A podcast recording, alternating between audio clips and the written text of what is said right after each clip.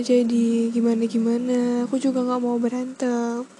Malahan setelah dia ngemilikin aku aku kira perhatian itu akan lebih dia kasih buat aku.